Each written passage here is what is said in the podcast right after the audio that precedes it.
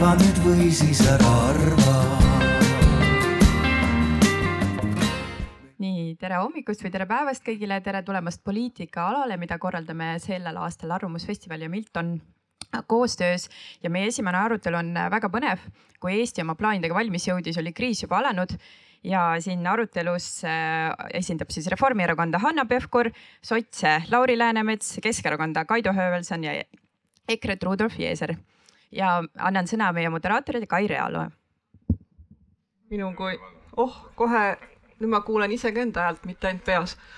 et äh, tere siis äh, veel kord, et, äh, et täna on päris põnev võimalus minul seda teemat siin modereerida ja kuna ma usun, et enamik siin nii-öelda arutelus osalejaid on rohkem tuntud kui mina, siis ma võib-olla paari sõnaga räägin sellest, et kuidas ma siia üldse sattusin et lisaks oma leivatööle, mida ma täna teen Ragn Selsis juhatuse esimehena Äh, siis olen ma ka töö, Eesti Tööandjate Keskliidu volikogu äh, esinaine ja kui siis äh, siin Eesti viimaseid kriise silmas pidades, ennekõike siis tervisekriisi, siis selles ma osalesin päris palju läbi erinevate nii-öelda töötubade, erinevate arutelude, erinevate regulaarsete kohtumiste. Nii et selles mõttes olen ma selle sotsiaalvaldkonna kriisidega olnud viimasel ajal tihedalt teot-, seotud, aga oma taustalt äh, töötades kuusteist aastat äh, Statoilis ja Circle K-s ma pean tunnistama, et ma töötasin ettevõttes, kus absoluutselt iga asja jaoks oli kriisiplaan olemas, kriisimeeskond äh, paigas, toimusid regulaarsed treeningud ja, ja inimesed teadsid täpselt, mida millises olukorras ette võtta ja eile üks härrasmees ühel teisel vestlusel küsis mu käest, et kas tõesti teil oli valmis ka kriisiplaan sõja jaoks. ja tõepoolest oli ka tegelikult äh, sellise sõjalise konflikti jaoks äh, kriisiplaan olemas, sest et äh, vastasel juhul ju ei saaks, ei oleks saanud siis olla valmis selleks, kui, kui kütusekriis peaks ka sellises keerulises olukorras tulema. aga mitte sellest me täna ei räägi kõigepealt selleks, et minna üldse nii-öelda teemaga sisse, ma küsiks kõigepealt äh, paneelis osalejatelt, et äh, miks just teie oma erakonda esitate, esindate, et kas teil on selle kriisi osas mingisugune selline kirglik oma vaade või siis äh, te lihtsalt olete ainsad, kes suudavad sellest teemast rääkida ilma endast välja minemata ja, ja jäädes tasakaalukaks ja artikuleerituks? alustame siis Hannost. sa vaatad mulle otsa no pressure. Äh, no ma ei tea, elu on kokku viinud erinevate kriisidega päris palju, et, äh, et eks nii valitsuses kaheksa aastat kui, kui parlamendis erinevates kohtades on seda kriisi andnud päris palju, et, et esimene tõsisem kriis minu jaoks, ma arvan, oli, no okei okay,, jätame lapsepõlvekriisid kõrvale, aga aga riiklike kriisidena ma arvan kaks tuhat seitse, kui meil oli mm, Aljoša et siis äh, enne seda ma nägin kahe tuhande viiendast aastast, noh, töötades justiitsministeeriumis iga päev, iga aasta, kuidas tegelikult see kriis nagu keris kaks aastat mm.. et kuidas sinna või isegi, isegi noh, pikemalt, aga viimased kaks aastat eriti intensiivselt, kaks tuhat viis, kaks tuhat kuus kuni kaks tuhat seitse see kulmineerus. Äh, ja, ja noh, eks äh, muidugi teised on alati paremad hindajad, et aga ma arvan, et äh, ma olen suutnud jääda rahulikuks, sõltumata sellest, kas on kriis või mitte, nii et eks äh, kriisides tegelikult, väga õige tähelepanek, et tegelikult kriisides kõige olulisem on see, et, et oleks jääd mütsi all ja sa nagu suudaksid adekvaatselt jätkuvalt edasi otsustada. Mm,. väga hea, Lauri? Jah, aitäh, ma võin kinnitada, Hanno jääb rahulikuks, minu arvates. Ta on igas, ka mitte kriisiolukorras päris rahulik mees. et äh, äh, ma ei arva muidugi, et ma meie erakonnas kõige suurem kriiside lahendamise spetsialist olen, meil on neid inimesi, kes äh, aastakümneid äh, nende küsimustega tegelenud äh, on veel, et meil oli valikut, ütleme niimoodi. aga võib-olla tänane amet ja amet kohustab, ma rohkem nagu ei hakkaks vist midagi ütlema. väga hea, Kaido, sina sportlasena ilmselt oled vanarahu ise. Äh, ja aitäh, et mind on väga keeruline endast välja viia, aga kui see on toimunud, siis äh, noh, teate ise, mis siis pärast juhtub, aga no äh, miks mina siin täna olen teie ees, et kindlasti see minu unikaalne kogemus tegelikult sellisest riigist nagu Jaapan, viisteist aastat ikkagi elatud seal. et kõik need kriisiplaanid alates tsunamist, alates maavärinatest, alates äh, Covidist äh, ja lõpetades, lõpetades, ma ei tea, perekriisiga näiteks. Mm.. et noh, need kõik plaanid on olemas ja, ja, ja noh, sellist äh, sellist kogemust ma arvan, et meil isegi Riigikogu sada, saja ühel inimesel mitte kellelgi ei ole, et äh, mida mina olen näinud ja teinud, et äh, noh, nüüd kindlasti need kriisid on erinevad, loomulikult nagu Hanno ütles siin kaks tuhat seitse, et siis ma olin juba Jaapanis, aga tema oli, majandas siin oma kriisidega, mitte oma kriisidega, vaid nende kriisidega, et äh, jah, sellepärast ma siin ma ei tea, kas ma isegi erakonda esindan, aga pigem iseennast ja, ja kogemust, jah. Noh, see on isegi parem, sest sel juhul me saame baseeruda mitte ainult teooriale, vaid ka võib-olla mõne teise riigi praktikale. aga Rudolf, äkki sa räägid paari sõnaga ka enda taustast? ja tere kõigile, minu nimi Rudolf, esindan EKRE-t ja kriisidega kokku puutunud vist alates aastast üheksakümmend neli või üheksakümmend viis. Mu taust on see, et ma olen Eesti Kaitseväes töö, teeninud üheksateist aastat ja tulevad järjest meelde, kus ma olen siis kaitseväelasena pidanud osalema alates Vihterpalu tulekahju, pronkssõdur, lumetorm Monika, Väike-Maarja kirikutorni torm. samuti siis olin Viru maleva pealik üle kahe aasta ja osalenud siis aktiivselt nii-öelda maakondlikus kriisikomisjonis. Samuti siis nüüd nii-öelda väheke poliitikas sees olles olen jälginud, äh, mismoodi riik ja, ja meie allasutused saavad kriisiga hakkama ja tegelikult olen päris kriitiline, et kui kaitseväelasena ütlen, et kaitsevägi on ja kaitseministeerium on nagu palju ära teinud, siis tegelikult äh, kriisijuhtimisega me istume kuskile toolide vahele ja kirjutanud ka kriitilisi artikleid ja ja ka siis ühe sellise juhendi inimestele, kuidas oma keldrist varjend teha mm,. väga hea aga tänase vestluse ma tahaksin eemal hoida sellisest äh, ainult rääkimas sellest äh, kõige sellisest äh, kahest teemast, mis täna võib-olla üks on selline tagasivaateline ehk et koroonakriis, et ei tahaks minna sinnamaale, et mis ja kes oleks pidanud kohe ennast vaktsineerima vaid räägiks natukene ka kriisidest äh, üldisemalt, enne kui me läheme siis võib-olla ka selliste nii selle Ukraina sõjaga seotud äh, majanduskriisi ootuse teema juurde. räägiks üldse natukene siin kohalviibijatega kriisidest, et äh, vahel tundub, et see sõna kriis on muutunud võib-olla meedias nagu selleks, et kõik on, ma ei tea, tähtreporterid ja, ja kõik on superstaarid, et kõik äh, olukorrad, äh, mis äh, erinevad võib-olla sellisest tavapärasest, kiputakse vahel nimetama kriisideks, et arutaks natuke sellel teemal, et mis on ikkagi nagu kriis ja mis on siis lihtsalt selline ebameeldiv või ebamugav olukord, mis vajab ka lahendamist. sa, Rudolf, tahad sõna? ja see ongi täpselt üks, millega ma lõpetasin, et see on selline toolide vahel istumine, et et me räägime kriisist ja siis tegelikult me ei suuda seda nagu seadusandlikult juba ära täita. et minu jaoks on kriis ühest otsast, ta võib olla see, et meil on kohalikus omavalitsuses ühel perel põleb maja maha ja see ongi selle kohaliku omavalitsuse jaoks juba kriis. ja teises servas on laiaulatuslik kallaletung Eestile, kus, kus kogu riigi kõik jõud tuleb mobiliseerida, kaasa arvatud päästeteenistus, politsei, kohalikud omavalitsused ja nüüd, kui me vaatame seda spektrumit ja ütleme, et see kõik on kriis, siis me saame ise ka juba aru, et tegelikkuses me peame neid nagu, nagu kuidagi erinevatesse kategooriatesse panema. täna küll meil on, on ju hädaolukorra seadus, mis sätestab ära, mis on hädaolukord, kes on vastutavad ja nii edasi.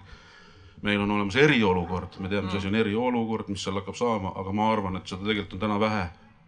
et kui me vaatame näiteks kohaliku omavalitsuse nii-öelda vaatevinklist, ma olen Märjamaa vallavolikogu liige ja ma esitasin ka Märjamaa vallavanemale kuusteist küsimust, äh, mis on seotud siis kriisiga ja, ja, ja kriisi mhm. juhtimisega, siis ütleme, ma näengi, et näiteks täna kõige nõrgem lüli meil kriisi juhtimises on KOV, kohalik omavalitsus. okei okay., aga annaks sõna Hannole ja no me peame ühest asjast aru saama, et kriis, äh, kriisi seadusesse kirja panna ei ole võimalik. et me defineerime kõik erinevalt äh, neid olukordasid. Ehk tegelikult noh, jämedalt öeldes on ju see, kus me nii-öelda oleme sunnitud oma mugavustsoonist või tavaolukorrast väljuma ja tegema midagi teistmoodi, et äh, siis, siis juba noh, alates peretasemest lõpetades riigiga, et tegelikult, et selles mõttes ei ole mõtet defineerida kriisi kui sellist ja, ja formalistlik lähenemine kriisile on täiesti vale. äh, tegelikult me räägime iga, igast äh, olukorrast, noh, kellegi jaoks on nagu kriis väga väike asi, eks, et noh, tegelikult, et noh, et nüüd leib sai poest otsa, eks et noh, nüüd on nagu kriis, eks. mine tee järgmisse poodi, eks. et aga, aga noh, ta ei ole harjunud seal käima, eks et või, või, ühes tanklas sai kütus otsa, et noh, et siis see ei ole kriis, eks, et aga kellegi jaoks kusagil tegelikult sellele tankla juhatajale võib see olla nagu kriis, et kuidas ta saab oma paagid mm. uuesti täis, eks. Ja selles mõttes äh, ma nagu sellisest formalistlikust lähenemisest kaugeneks äh,. võtaks selle arusaamise tegelikult, et me peame lihtsalt nagu enda jaoks iga kord defineerima, jah, need, kes on riigijuhid, kes on omavalitsusjuhid ne, ne, nendel on nagu tegelikult seda nii-öelda formalistlikku lähenemist ka vaja. ehk riigi jaoks või omavalitsuse jaoks algab kriis sellest hetkest, kui on vaja mobiliseerida või rakendada mingisugused täiendavad jõud kusagil, eks. Et mm. ehk teisisõnu, kui me peame mobiliseerima või, või me peame rakendama kusagil näiteks kaitseväge, politseid suuremas mahus, kui ta seda tavapäraselt teeb, eks.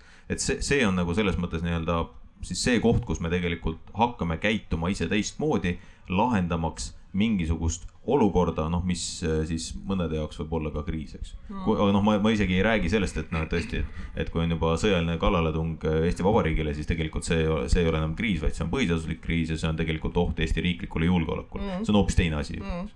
Lauri, on sul midagi lisada? Jah, et eh, ei no selle Hanno jutul on raske midagi lisada, ma selles mõttes olen, eh, olen nende loogikatega nõus, et, et kui see tava, tavapärane olukord eh, muutub, noh siis me minu arvates saame ka seda kriisiks pidada. kõik seadusesse ma olen ka nõus, on keeruline nagu panna. aga võib-olla on oluline ka aru saada, et miks me sellises olukorras üldse oleme, et kui seda Eesti arengut vaadata või taasiseseisvumist, et ükstapuha, mis valdkonnas seda vaadata, siis tegelikult ju enne selle Eesti riigi iseseisvuse taastamist ähm, selles eelmises riigikorras olid meil ju mingisugused süsteemid üleval, kas me võime isegi võtta nagu spordi või laste, laste nagu arengu on ju, et noh, kõik see tegelikult äh, lagunes sellel, sellel, sellel muutuse hetkel ära, et täpselt samamoodi lagunes ära, lagunesid ju ära ka need süsteemid väga paljuski, mis siis panid või sundisid või valmistasid meid ette ka kriisideks erinevates eluvaldkondades, kaasa arvatud siis omavalitsuse või maakonna tasandil juhtimisel, okei okay,, maakonnal võib-olla jäi paremini järgi. ja, ja siis see Eesti sisenes ju sellesse aega, kus me hakkasime nullist kõike üles ehitama. Ja noh, kriis on selline asi, mis igapäevaselt sul tava, tavaelus ei ole. Eh, mis tähendab, et eh, loomuomaselt enamus inimeste, enamus juhtide fookus läks, ma ei tea, oma ettevõtluse ülesehitamisele, et üldse see tööle saada, et üldse omavalitsuses mingi struktuur tekiks, on ju. ja noh, nendesse kohtadesse läks ja, ja noh põhimõtteliselt võiks, kui me täna kriiside, kriise on okei okay, väga palju, on ju, aga kui me täna kriisidest räägime, siis me võiks ka tõdeda, et me, et me mingil tasandil oleme suutnud selle ühiskonna nagu üles ehitada, et me suudame juba tähelepanu pöörata ja rääkida noh, nendest kriisidest mujal, sest äh, need valdkonnad või, või asutused või, või institutsioonid, millel on kohustus kriisidega tegeleda, et see noh, pandi seadusesse sisse, nemad tegutsesid, neile jäi see alles, aga teistesse eluvaldkondadesse seda alles ei jäänud, et seal me seda ehitame üles, et, et ma arvan, see noh, et selles mõttes see ühtpidi me võime kriitilised olla nende olukordade peale, aga teistmoodi me peame aru saama, et noh, kuidas sellised olukorrad on tekkinud, et me igal pool ei ole valmis, et kui me vaatame oma naabreid, ma ei tea, kasvõi Soome on ju, et kõik räägivad nendest äh, varjumiskohtadest ja varjenditest on ju, et siis Eesti lihtsalt taust ja see kujunemise lugu on teistsugune, et me oleme jõudnud noh, nüüd sinna mm,. aga siit ongi väga hea küsimus mulle, et noh, et, et ettevõtluses on, äh, kust mina olen, on väga lihtne, kriisivalmiduse eest nimetame seda, mis seal taustal siis on, on põhimõtteliselt ikkagi nagu ettevõtte juhtkond, ettevõtte tippjuht peab tagama selle et äh, kriisiks ollakse valmis, eks ju.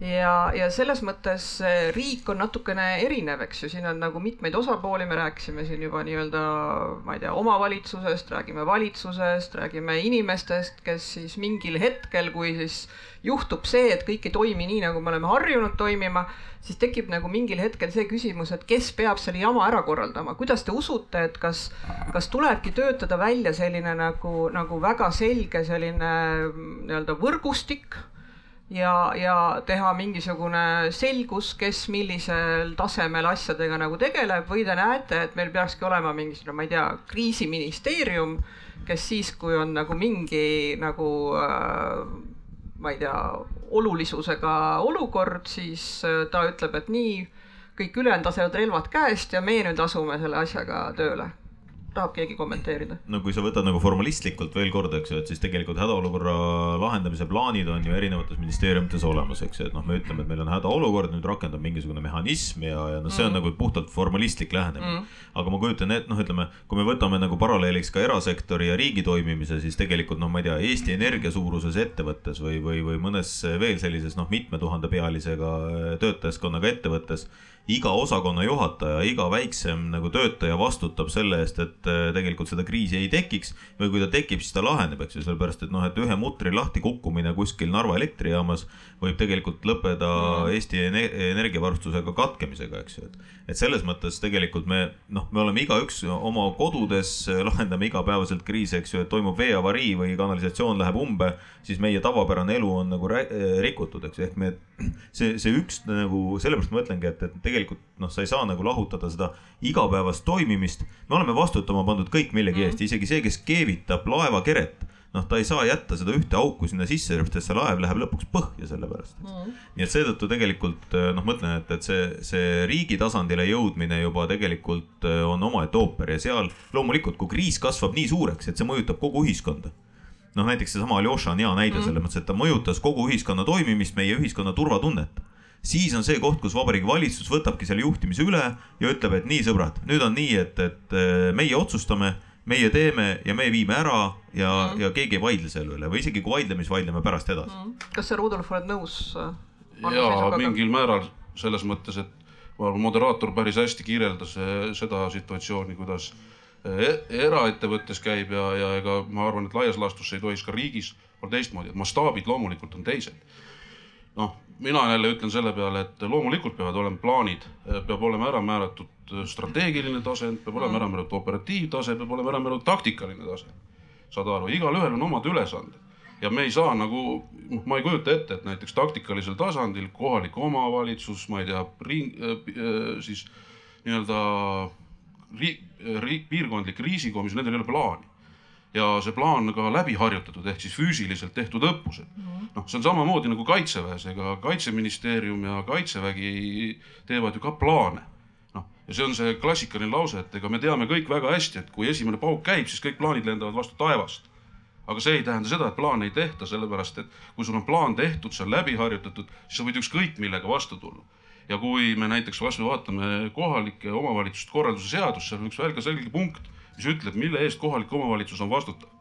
ehk see on see paragrahv kuus, äh, kaks prim üks on ju, ütleb, et kohalik omavalitsus on sõja ajaks peab olema valmis. kuulge, ja kui, ja kui, kui, kui me, äh, ma ei ole vahele seganud. Ja kui äh, me selle teeme ära, noh, siis me võime ükskõik, mis võib tulla siis võib tulla meil äh, seesamane, kus olid need Ukraina põgenikud, tuleb siia kakskümmend kolm tuhat. see kõik, me oleme kõik selleks valmis, sellepärast et meil on mingisugused plaanid olemas. ja aga kuidas saab usaldada seitsekümmend kaheksat omavalitsust, ma lihtsalt skeptikuna küsin, et mul on ettevõttes, ennem eelmises ettevõttes oli äh, kuuskümmend teenindusjaama, noh, nad allusid äh, põhimõtteliselt nagu ettevõttes ikka noh, kokkuvõttes mingisugusele struktuurile omavalitsus meil on ikkagi teatud mõttes nagu äh, eraldiseisev äh, üksus ta võib seda teha ja peaks seda tegema, aga, aga elu on näidanud, et äh, kõikides asjades kõik omavalitsused ei ole nagu äh,, nagu täpselt copy paste. ja no ma olen selles mõttes kindlasti, siin tuleb olla skeptiline, sest me teamegi, et kohalikud omavalitsuse tasemed on erinevad mm ja nii edasi. aga täna nagu pigem kohalikus omavalitsuses on no kaks probleemi, esiteks on see, et kompetents puudub Nad, nad ei saa absoluutselt aru, mida nad tegema peavad. kui ma Märjan vallavanema käest küsisin seda punkti, siis ta hakkas mulle ajama midagi, Kaitseliit tuleb, teeb ära ja nii edasi. ei, ei, ei, see on sinu ülesanne. ja teine loomulikult, nendel on finantsi vaja mm.. noh, sest kui me ütleme näiteks, anname Märjamaa vallale ülesande, et te peate olema valmis vastu võtma näiteks, ma ei tea, kolm pool tuhat põgenikku siis selleks kolmele poole tuhandele põgenikule on vaja mingisugust ettevalmistust teha mm., selleks on hoone mm. vaja, selleks on, ma ei tea, voodid vaja, tekid, padjad mm.. Lauri, kuidas sina sellesse vaatad? jah, ma saan aru, et see küsimus oli see, et kas äh, keegi ühtselt võiks äh, kõiki ja. kriise aidata igal pool lahendada, ma sellesse, ma üldse ei usu ka sellesse, nendesse mm. loogikatesse, et paneme kõik väiksemad riigiasutused kokku, siis on üks suure mm. juhtimise all ja see kõik läheb hästi, tavaliselt läheb kõik untsu. see on alati läinud niimoodi, et jumal tänatud, et mõned siin just pooleli on jäänud, aga äh, ühesõnaga, ma ei tea, näide näiteks, et et praegu selle, mis puudutab Ukraina põgenikke, siis siseministeerium on täna Terviseametile toeks, on ju. -hmm aga tegelikult me raiskame siseministeeriumi ressurssi sinna Terviseameti toetamisele, sest lihtsalt Terviseametit me pole riigina valmistanud ette sellise, sellisteks asjadeks on ju noh, kuigi võib-olla oleks pidanud, vabandust, mitte Terviseamet, Sotsiaalkindlustusamet jah, vabandust, tegin praegu liiga et Sotsiaalkindlustusametit sellisteks asjadeks ette, nüüd me raiskame siseministeeriumi ressurssi sinna ja siseministeerium täna peaks valmistuma hoopis muudeks asjadeks.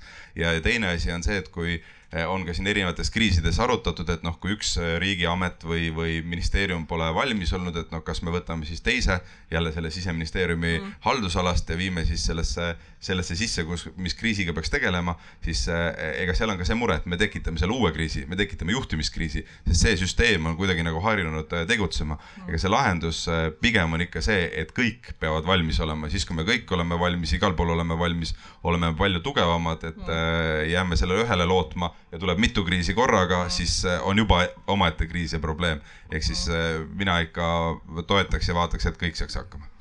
Kas sa, Kaido, äkki räägid natuke sellest äh, oma kogemusest, et mulle hakkab siit nagu teiste jutust kooruma, et igaüks peab valmis olema aga noh, minu kogemus ütleb, et tegelikult selleks, et ühte kriisi juhtida, tegelikult ei ole väga palju vahet, mis see kriis on teatud maani selle taga on mingisugune nii-öelda arusaamine kriisi juhtimisest, teatud põhimõtetest, seda tuleb treenida, seda tuleb ette valmistada.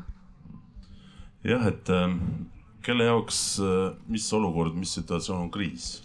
et me kõik defineerime sõna kriis nagu täiesti erinevalt, nagu ennist ka Hanno, Hanno ütles. et nii, nii ta paraku on, et noh äh, ma iseenda seisukohalt nagu võin öelda, et needsamased inimeste mured on nende jaoks probleemid, minu jaoks sihuke pisimure. Nende jaoks võib-olla kriis, minu jaoks ikkagi mure. Et noh, ma võtan võib-olla kuidagi kergemalt mingeid, mingeid situatsioone, mingeid olukordi. mis puudutab nüüd äh, tõesti seda sõjapõgenike kriisi, siis äh, see, et SKA-lt äh, äh, võeti või anti see kriisiolukorra juhtimine PPA-le, see oli minu arust äh, väga ainuõige otsus ja nad said väga hästi hakkama et suured kiitused neile kõigile. Äh, mis puudutab nüüd siis, äh, kui tõesti nagu mm, siin jutuks oli, et äh, erinevad siis, erinevas kriisisituatsioonis, et kes siis, kes siis võtab selle juhtimise üle, et riik võtab juhtimise üle. seal ongi see, see probleem, murekoht tegelikult, et needsamased, et samas, et erinevad ministeeriumid, kelle vahel siis see kriisi juhtimine niimoodi jagatakse et need äh, tihtipeale lõpp, lõpptulemus on see, et äh, üks ministeerium, äh, kes siis vastutab lõppkokkuvõttes? Üks ministeerium veeretab teise õlule seda vastutust, teine kolmanda ja nii edasi, nii edasi. lõppkokkuvõttes keegi ei vastuta. kriis on kuidagi läbitud, üle elatud, juhitud. et noh, see, see, see ja kes siis lõppkokkuvõttes ikkagi mm, kõige rohkem kahju saab.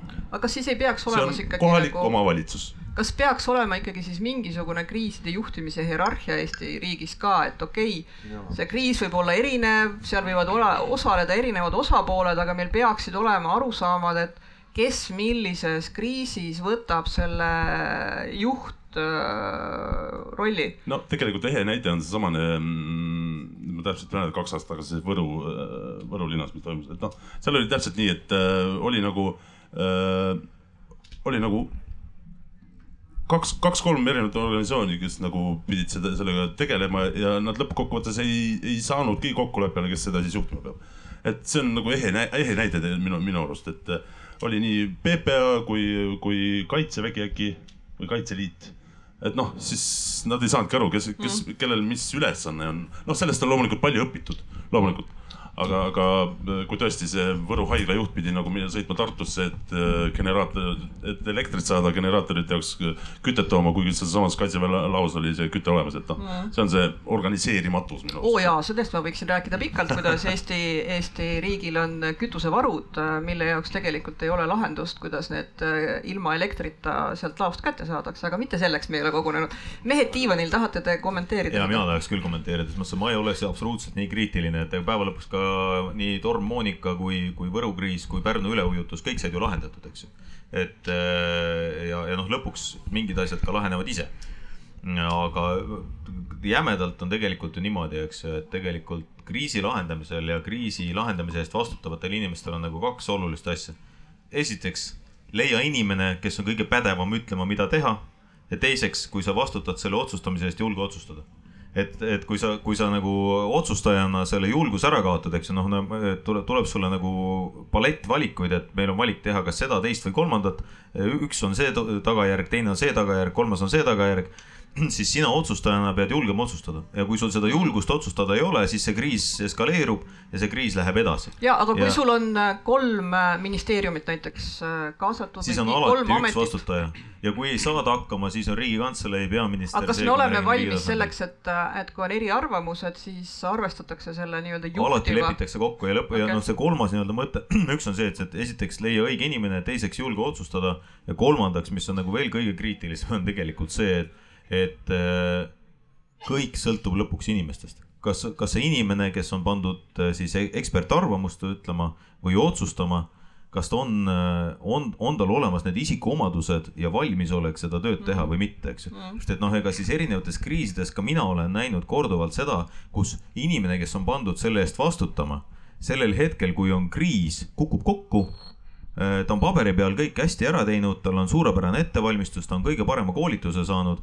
aga sellel hetkel, kui reaalselt maja põleb, on ta äh, vaimselt mis iganes põhjusel kokku kukkunud. Ja siis sa võtad teise venna, kes tuleb ja lahendab selle asja lihtsalt ära, eks. ja, aga ma olen ka näinud selliseid olukordi, kus nii-öelda oma inimene on kompetentne, ta tegelikult on võimeline otsuse langetama, aga ta on oma selles, ma ei tea, ettevõtte hierarhias, ta on näiteks keskastme juht ja teda on äh, nii-öelda tippjuhtkonna poolt äh, pidevalt üle sõidetud, ehk et tema otsustusvõimet pärsib see, et ta peab enda arvates saama nii-öelda heakskiidu kuskilt kõrgemalt kus see otsus ei pruugi olla nii lihtsalt tulema. ja, aga see ongi otsustajate vastutus, see ongi otsustajate vastutus, mina, mina olen alati ühte põhimõtet, kui ma läksin ka kaitseministeeriumisse, Lauri on siin, eks ju, võib kinnitada, et ka kuulas. mul on üks põhimõte olnud alati, et, et kui ma, kui ma inimesi, inimestega kohtun esimest korda, siis ma ütlen neile alati, et, et minu juurde ei ole vaja tulla et, äh, küsimusega või et, et, et meil on probleem, mis me teeme. Pardon, sa oled, sa oled riiki võetud tööle selle nimel ja selle jaoks, et pakkuda välja lahendusi, mida me teeme. ja siis sa pakud välja üks, kaks, kolm lahendust ja minul otsustajana on sellisel juhul äh, vastutus. Teha see valik. Ja see, kui ma ei vali sinu parimat lahendust, siis see ei tähenda, et sina oled halba tööd teinud. See on siis järelikult minu kui juhi vastutus öelda seda, et ja vastutada ja minna seletada siis avalikkusele, miks me valisime selle tee, mitte teise tee. Mm aga, aga sellepärast ongi need inimesed tööl igal pool, ametites, kohalikes omavalitsustes, ministeeriumites, sest et nad peavad olema sellele kohale kõige paremad inimesed, pakkumaks neid lahendusi, mida otsustajatel siis on vaja teha mm,. Lauri, sul oli midagi lisada? ja, ei ma tahtsin enam-vähem samba kohta midagi öelda, et, et ma arvan, süsteem mis meil hädaolukorra seaduse ja teiste seadustega on loodud, on minu arvates nagu õige ja loogiline et ma ei kujuta, noh, me, meil on ministeeriumid, erinevad ametid vastutavad oma valdkonna sees, omavalitsused tegelikult peaksid äh, vastutama. ja kui seal nüüd midagi ei toimu, toimi, siis ma arvan, küsimus ei ole süsteemis. küsimus on ikka kas juhtimises või siis mingites muudes asjades, sellesama kohaliku omavalitsuse võime öelda, täiesti õige, raha ei ole ja küsimus ei ole mitte selles, et raha ei ole kriisi juhtimiseks, vaid kui sa vaatad kohaliku omavalitsuse sisse, siis kui sul ei ole raha äh, selleks, et äh, et need juhid või inimesed suudaks nagu üldse jõuaks kriisidele mõelda, äh, vaid peavad tegelema igapäevaste asjadega, mis on sotsiaalküsimused ja mingid muud asjad ja surevad sinna nagu ära, siis sa kunagi nende kriiside, äh, kriisideni enne ei jõua, äh, kui sellel hetkel, kui see kriis käes on ja sa pole selleks mhm. valmistunud. ehk siis see, see, see suur pilt ja, ja kuidas, kuidas lõpuks need asutused või omavalitsused on ju toimivad, see on nagu selles oluline. Rudolf, sa tahtsid ka rääkida? ja siin selles mõttes ei saa nagu eelpool kõnelejatega sada protsenti nõus olla, et, et kui, kui me nagu jälle rää-, sellest, millest ma alustasin, et need, see kriiside spektrum võib olla väga suur. ja kui me vaatame kasvõi seda lumetormoonikat või seda Pärnu üleujutust, siis see tegelikult on lokaalne. see on lokaalne kriis ja kui nii-öelda see kohalik omavalitsus või see kohalikud äh, ametid ei saa seal hakkama, siis loomulikult riik tuleb appi ja, ja me noh, täna me riigina, ma arvan, et me ei ole, oleme nii tugevad juba, et kui meil tekibki kuskil lokaalne kriis, siis me oleme võimeline lükkama seda ressurssi sinna nii palju, kui vaja on mm.. generaatoreid, mida iganes, inimesi ja nii edasi. küsimus on täpselt see, et meil on viimase paari aasta jooksul olnud kaks kriisi, mis ei ole enam lokaalsed, mis nagu võtavad terve Eesti. ja need on siis seesamane koroonakriis ja samuti siis see sõjapõgenike kriis. ja, ja siin ei saa nagu jääda nagu selle peale, nagu äh, Reformierakonna esindaja siin ütleb, et no vaatame, kes võtab initsiatiivi ja, ja siis nii edasi. küsimus, küsimus võib olla, kriisis võib olla asi selles, et lõpuks on seal taga inimelud, noh. noh, ja, ja need ja seal tuleb nagu tegutseda mm. väga süsteemselt, kindlalt, et ei, ei saa olla seal nagu selles mõttes mingisuguseid lõtke sees, et noh, vaatame, kes siin võtab initsiatiivi. ja, ja, ja, ja, ja, ja ma olen selles mõttes veel Kaidoga nõus, et jaa, need holbid ja asjad on, samu hädaolukorra lahendamise plaanid on olemas siis asutustes ja ministeeriumites.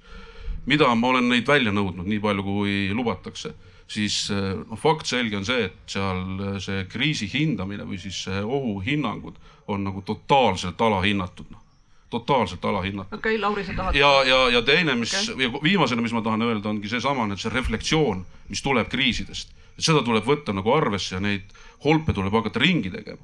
ma toon jälle siin lumetorm Monika näite, kus me istusime pärast siseministeeriumi kantsleriga, kes oli vastutav siis äh, veel sisejulgeoleku eest maas ja arutasime, mis oleks vaja seadusandluses muuta nüüd peale selle lumetormika näi-, lumetormi näidet onju ja see oli samane, et äh, farmidele tuleb panna kohustus, et nendel oleksid generaatorid, mis lähevad automaatselt nii edasi.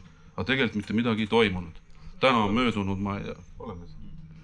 kuulge, ma, ma pean sekkuma selles mõttes, et see, mõttes, et mis mõttes midagi ei toimunud. kuulge, et vaadake kasvõi, mis on haiglates toimunud generaatoritega, kõik see, aga, aga, aga saage nagu aru selleks, et noh, et iga kriis ongi unikaalne et see on, see on nagu learning by doing, eks ju, et või, või doing by learning, ükskõik kumba pidi võtta, eks ju, et tegelikult et meil ei ole ühtegi kirja pandud stsenaariumit võimalik näpuga järge ajada, et nii, et nüüd saabus kriis, põgenikekriis, et nüüd me võtame manuaali lehekülg kakssada nelikümmend kaheksa, rida viis ja hakkame minema sealt, no see ei ole ju nii et selles mõttes, et lõpuks on kõik kinni nendes samades inimestes ja leitakse see kõige parem inimene ja tulebki leida. ja, ja, ja öelda, et kes selle vastutuse võtab, tõsi on see, et, et tõesti kõikides omavalitsustes ei ole kõiki häid inimesi, samamoodi ei ole ka riigis kõiki häid inimesi, aga teevad need, kes on. Ja, ja võtavad ja kui on vaja võtta erasektorist kedagi appi, ka koroonakriisiks võeti inimesi appi -hmm. erasektorist, eks ju, siis võetakse. Ehk tegelikult äh, ärme nüüd nagu näe nii mustades toonides ja, ja kui on see põgenikekriis või ükskõik mis kriis kuni riigi põhiseadusliku korra kriisini välja siis me konsolideerume, me oleme alati eestlased konsolideerunud, me saame hakkama sellega, noh. miks nii keeruline sõna, et äh, sellise toreda tegevuse jaoks, et üheskoos tehakse, aga. paneme jõud kokku. siin täpselt, aitäh, et äh, siin minu arvates hakkas kaks asja segi minema, et küsimus ju oli selles, et kas see süsteemina sellisena mm -hmm. töötab ja täna süsteemina ma väidan, töötab, seal on vastutused ja väga konkreetsed vastutused olemas, et selles ei ole küsimust, küsimus on see, kuidas seda sisustatakse ja vot seal on alati nagu väljakutsed on ju juhtide tasandil, ettevalmistuse tasandil tasandil, hinnangute tasandil, aga süsteem ise ei ole niimoodi, et kriisid kukuvad asutuste nagu vahepeale, on vastutusvaldkonnad, konkreetsed ülesanded ülevalt alla, alt üles on ju, et see on paigas. Mm, ma toon ühe näite, ma tahaks lihtsalt teie arvamust saada, et ka eelmisest elust, ma tulin sealt ära ennem kui ma nägin, kuidas see kõik lõppes.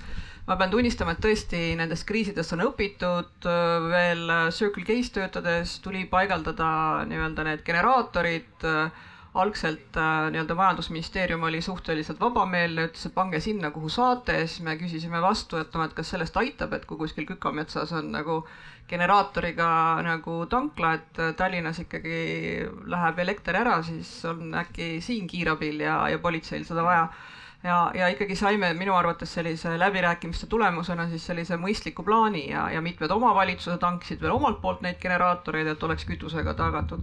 aga siis me jõudsime nagu sellise huvitava aruteluni, et ega see, et äh, tuled süttivad äh, tanklas ei aita suurt midagi kaasa, sest täna me elame ikkagi nagu IT-maailmas ehk et tegelikult peavad ka ikkagi kõikvõimalikud andmesidet töötama ja, ja muud asjad, et äh, selle kohta ütles Majandusministeerium, et see ei ole meie rida, see on juba kellegi teise rida, et äh, mina siin töötan selleks, et generaatorid tekiksid. et äh, kuidas sellises nagu mõnes, ma ei ütle, et kõikide kriiside puhul, aga teatud sellistes elutähtsate teenuste toimimise osas, et peaks keegi võtma nagu selle kogu ahela läbi, et kas ikka tõepoolest pärast seda, kui ka generaator on paigaldatud äh, ikkagi nagu peale selle, et äh, val-, tankimisalal lähevad tuled põlema, ka reaalselt on võimalik midagi ette võtta? no ETO-t noh, jube tehniliseks läheb, ei taha akronüüme hakata kasutama ja kindlasti publik, kes kuulab, ei, ei pruugi kõikidest akronüümidest aru saada, aga noh, elutähtsate teenuse osutajad on ju samamoodi ära fikseeritud, eks ju, kes nad on, eks. Samamoodi tanklad seal, sealhulgas, eks. Ja, ja noh, nüüd teine asi on nagu see, et kui sa ütled, et noh, et, et vot, et majandusministeerium ütleb, et tema sellega ei tegele.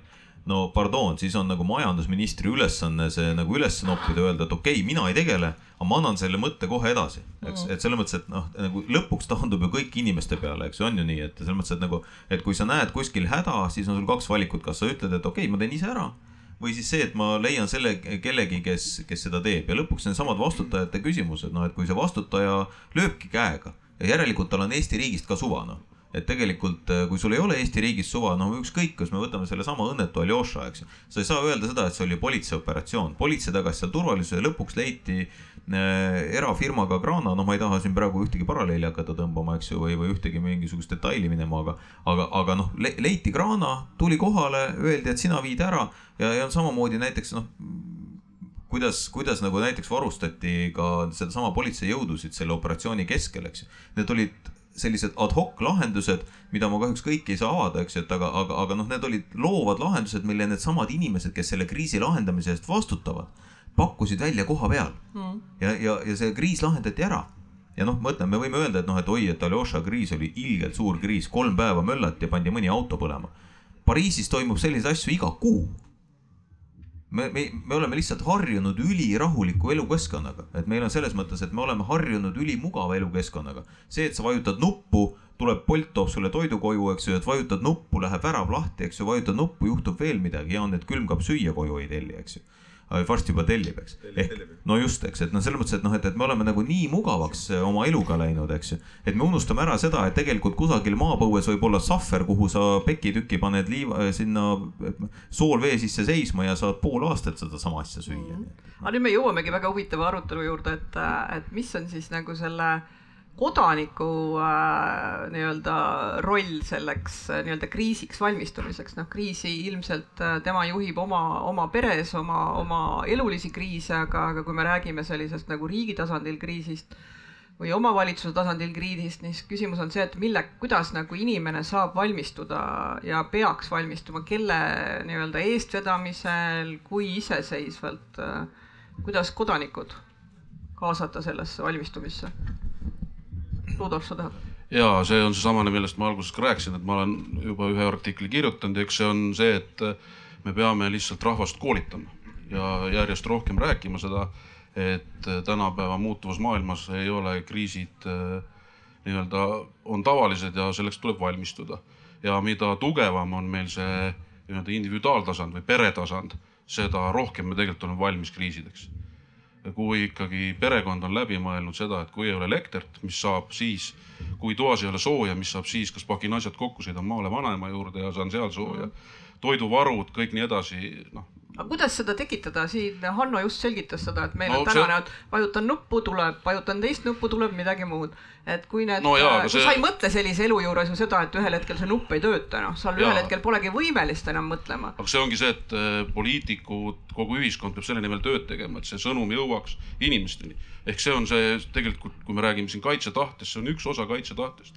ehk kui inimene ei ole nii-öelda, äh, teeb selle, selle töö ära ja on valmis selleks, siis äh, ta näitabki sellega ka suhtumist äh, tegelikult riiki ja, mhm. ja on rohkem valmis. Äh, ja aga, aga jälle oponeerin natukene, et kui nüüd mõelda, mina elan Nõmmel, mul on keller, ma saan selle kõik täita, mul on varjumiseks ruum, saan võib-olla ka sibulat kasvatada maja kõrval aga mõtleme nüüd sellistele nii-öelda magalapiirkondadele, Mustamäe noh, selles mõttes, et kui sul seal ikkagi elekter ära läheb, sooja ei ole, elektrit ei ole, WC-s käia ei saa, isegi need väikesed puukesed, mis seal Mustamäel pargis alles on, ei kata ära enam seda vajadust, et keegi saaks seal oma keha kergitamas käia, et noh, see on ikkagi päris keeruline selline no, nii-öelda siin, tuleb... kodaniku kohal nagu nii-öelda ettevalmistumine. aga siin tulebki kohe siis see, et sellistes piirkondades oluliselt kasvab kohaliku omavalitsuse roll mm.. et äh, mida tugevamad on meil kohalikud omavalitsused selliseid asju lahendama, see on, see on järgmine tasand. seda, seda vähem tuleb sekkuda noh, ka kohalik omavalitsus on riik, aga seda kõrgemal tasemel mm. ja see ongi see, mida tuleb kõvasti, kõvasti järgmistel aastatel tugevdada, on see kohaliku omavalitsuse nii-öelda teadlikkus, kriisijuhtimine, kriisikommunikatsioon, kõik need asjad. sest läbi selle me tegelikult kasvatame seda valmisolekuks kriisideks kõige-kõige paremini mm,. Lauri, sa oled nõus? ja kindlasti eh, nõus, kui tegeleda asjaga, siis läheb paremaks, et eh, me oleme nii-öelda kaitsejõudude poole peale, Kaitseliit, Kaitsevägi eelkõige on ju, et riigikaitse mõttes või noh, ka kriisideks valmistumise mõttes me oleme rahaliselt väga tublilt panustanud, aga, aga mis peab eh, tõdema, et siis nüüd alles selle Ukraina Ukraina suuremahulise sõja, sõjaolukorras me hakkasime nii-öelda sellisesse laiapindsesse riigikaitsesse, kuhu kõik te, teised, alates päästjatest, lõpetades sellesama tava ta,, tavalise tubli kodanikuga, peaksid panustama val-, valmidus olema, et sinna me oleme vähe panustanud, et sinna noh, see rahamaht on seal hinnanguliselt viiskümmend miljonit eurot aastas, et siis me hakkame jõudma sinna, et need eelmised küsimused ka tegelikult osaliselt vastused on siin, et et, et keegi ei jõuagi nende, kui kellegi ülesanded need ei ole, neid inimesi ei ole tööl, on ju, siis keegi ei tegelegi, ma ei tea, mingi tervete ahelate läbimõtlemisega ja nüüd päästeametil tegelikult on olnud varasemalt, tulevad ka selle aasta lõpupoole uued kampaaniad, et selles noh, mis mis puudutabki sihukest, et ole valmis, on ju, et mida sa teha saad, kuidas sa teha saad, tulevad trükised, meediakampaaniad. SMS, mille peale isegi minu nõrva, kõva närvikavaga inimene korraks nagu mõtles, kas nüüd ongi see käes. jah, aga, aga vot me oleme, me oleme, me oleme ühiskonnana elanud sellises kuidagi ütleme nii, et, et kuidagi riigikaitse mõttes kogu oma riigikaitset, noh, Kaitseväe, Kaitseliidu poole pealt oleme õiges ohuhinnangus üles ehitanud, aga ühiskonda ise oleme kuidagi hoidnud sihukeses vati sees, et kõik on ilus ilus, tore ja, ja maailma rahu on ju, et, et, et noh, see muutus toimub, et, et võib-olla see ikka see, millele me, kuhu me täna suundume, on tavaelu, mis peabki olema meie elu osa mm., mitte ei ole mingi kriis või, või tohutu eriline muutus. et me nüüd siseneme sinna ja peame selleks valmis olema ja, ja, ja mis puudutab, puudutab inimesi, siis see, mida me piloteerima tahame veel hakata siin, et noh, meil on ka niimoodi Päästeameti poolt vaadatud ära, et erinevad riskigrupid, kes võivad erinevates kriisides kuskile vahele jääda, seal hakkab nende koolitamine pihta. ma tegelikult äh, olen sinna lisanud selle ka, et me hakkaks selliseid elanikkonnakaitse koolitusi, kellel on huvi, kes ei ole kuskil riskigrupp on ju, neid inimesi on täna väga palju. Äh, prooviks seda teha tulevikus seal Kaitseliit, Päästeamet kõik koos on ju, pakkuda inimestele, äh, inimestele nagu neid võimalusi ka, aga see tuleb, tuleb nagu jupikaupa ja, ja seda me täna nagu üles ehitama hakkame. mis, miski ah,, selle kriiside juures oota, vabandust, ma ütlen ühe asja veel siia kriiside juurde ära, et või selle inimeste tasandi juurde, et mitte ainult see üksikinimene, vaid tegelikult see kogukond on ka väga oluline. Needsamad külavanemad, needsamad korteriühistud, kõik muud, et kui sul on vaja evakueeruda või midagi, midagi teha, siis enamus sellest majast suudab noh, võtta oma kotid ja istuda auto peale või ära suusatada talvel suure lumega. ja siis selles majas võib olla eakas inimene, kes ei suuda liikuda, on ju. ja nüüd ongi selles kogukonnas tegelikult küsimus, et millised on sinu suhted, millised on sinu läbikäimine ja kas sa nagu mõtled ja tead, kes su naaber on, on ju, kas sa lähed, võtad ta kaasa või mitte. sest kohalik omavalitsus või no ütleme, kogu see riigistruktuur äh, mingites kriisides ta jõuab inimesteni, aga mitte esimese kümne päevaga võib-olla. et ta jõuab nagu abivajadusteni või, või nende kolleteni, on ju, aga mitte kõigini. ehk siis see kogukond ja see üksik inimene mängib kriisi lahendamisel äh, tihti sama suurt rolli kui see riigi tasand mm,. Kaido. aitäh sulle, Lauri et mis on, mis on need põhi, põhilised nagu äh, nagu või peamised ennetus- ja teavituskampaania eestvedajad on ikkagi PPA, Päästeamet, Päästeliit. et noh äh,, Päästeliit ehk siis vabatahtlikud teevad nagu tohutut äh, tööd just oma piirkonnas, kohalikes omavalitsustes. et inimesed äh, aduksid, teaksid, mida tuleb mis olukorras teha, noh eks seda tuleb, nagu öeldakse, kordamine on tarkuse ema, et ähm, eks seda tuleb korrata põhimõtteliselt kvartalis kogu aeg. aga probleem seisneb ainult ühes asjas. iga aasta peab üks või teine või kolmas ministeerium ikkagi kärpima, kelle arvelt siis kärbitakse? Nende samade, ma ei usu, ma ei, ma ei mäleta küll seda aega, et oleks ennetuskampaaniatele nagu hirmsat raha, raha juurde, juurde pandud, et no, no, Te, te, te olite. valitsuses ja ise panite? aga ei, nüüd me jätkame seda. see on see vana jutt, noh, te olite siis seal. see oli ju kiitus. see oli kiitus, teie tegite seda just hiljuti nagu. ei no jah, aga, aga, aga äh, igal juhul kogu aeg peavad, peavad nad kärpima. Et noh, siis tihtipeale ikkagi jääb üks või teine või asi, kolmas projekt jääb sahtlisse, mida ei teostata, mida oleks vaja teostada. aga äh, noh, vahet ei ole, mis kriis äh, järgmisena võib tulla, et äh, minu arust üks väga tähtis kriis või, või, või situatsioon, mille peale, mille üle oleme arutlenud küll, aga vähe on kindlasti Eesti siis toiduvarude julgeolek. noh, samamoodi on äh, energiavarude julgeolek. et kui, kui sealt nagu mingite mõist-, mõistlikud äh, nagu numbrid või mõistlik plaan nagu võiks, või võiks nagu olla tehtud et mis, mis, mis puudutab ikkagi noh, kui, kui tõesti inimestel pole nagu koju varutud toitu, öeldakse, et siis, kui midagi juhtub, põgene vallamajja või, või, või kultuurimajja või, või sinna vabatahtliku päästjate depoosse. Aga mi- mis seal edasi saab neist, et noh, selle, neid küsimusi on rohkem kui tegelikult vastuseid, et äh, sellist nagu noh, plaani meil tegelikult ei ole, et vaatame jooksvalt ja need inimesed mõtlevad välja, nemad vastutavad, noh lõppkokkuvõttes ikkagi äh, see vastutus vajub kuhugi kuhugi ära ja, ja, ja seda ei toimu. et mis ma veel tahtsin lisada, noh mm, lihtsalt enda koge-, kogemusest äh, kaks tuhat üksteist märts ja üksteist, kui oli Fukushima tuumajaama see tsunami, kakskümmend kuus tuhat inimest sai seal äh, läänerannikul surma või viis siis meri, ookean endaga kaasa. et noh, neil oli ka kriisiplaan äh, olemas loomulikult alates äh, esimesest klassist ikkagi õpitakse, tehakse äh, kursuseid, viiakse läbi erinevaid neid tea-, teadvustuskampaaniaid. Aga see tuli lihtsalt nii ootamatult, et äh, kuigi anti häirekella, noh, inimesed tõesti ei suutnud minna sinna kogunemispaika, sinna majja ülemisele korrusele või, või, või sinna torni, et noh, tihtipeale noh, kriisid äh, vajuvad nagu uksest sisse nagu väga järsku mingi hetk, et noh, seal tulebki nagu operatiivselt äh, nagu helgemad pead kokku korjata, kelle kogemustega inimesed ja, ja siis kiirelt nagu reageerida, et selles suhtes ma olen nagu ministritega mingil määral isegi päri, aga sellist üldist suurt pilti, plaani oleks vaja meil, aitäh. aga väga hea, ma tegelikult tuleks huvitava küsimuse juurde tagasi, mina olen veel selline inimene, kes äh, on õppinud äh, koolis, kuidas endale teha kaitsemaski, olen pannud äh, kai-, gaasimaski pähe, ma alati sain äh, surma, sest et ma pidin enne prillid ära võtma ja see kaotas neid väärtuslikke sekundeid. Ja ma olen Kalašnikovi aja peale kokku pannud ja lahti võtnud, et, et noh, selles mõttes ma olen ikkagi nagu nagu selline ettevalmistatud inimene, et kas me peaksime tagasi tooma ikkagi nagu tõsise sellise nagu riigikaitselise nagu õpetuse koolidesse, et ka noh, ma ei Ja ütle, oh, et keegi hea peab. Kalašnikovi kokku panema, aga, aga mingil määral nagu rohkem kui täna.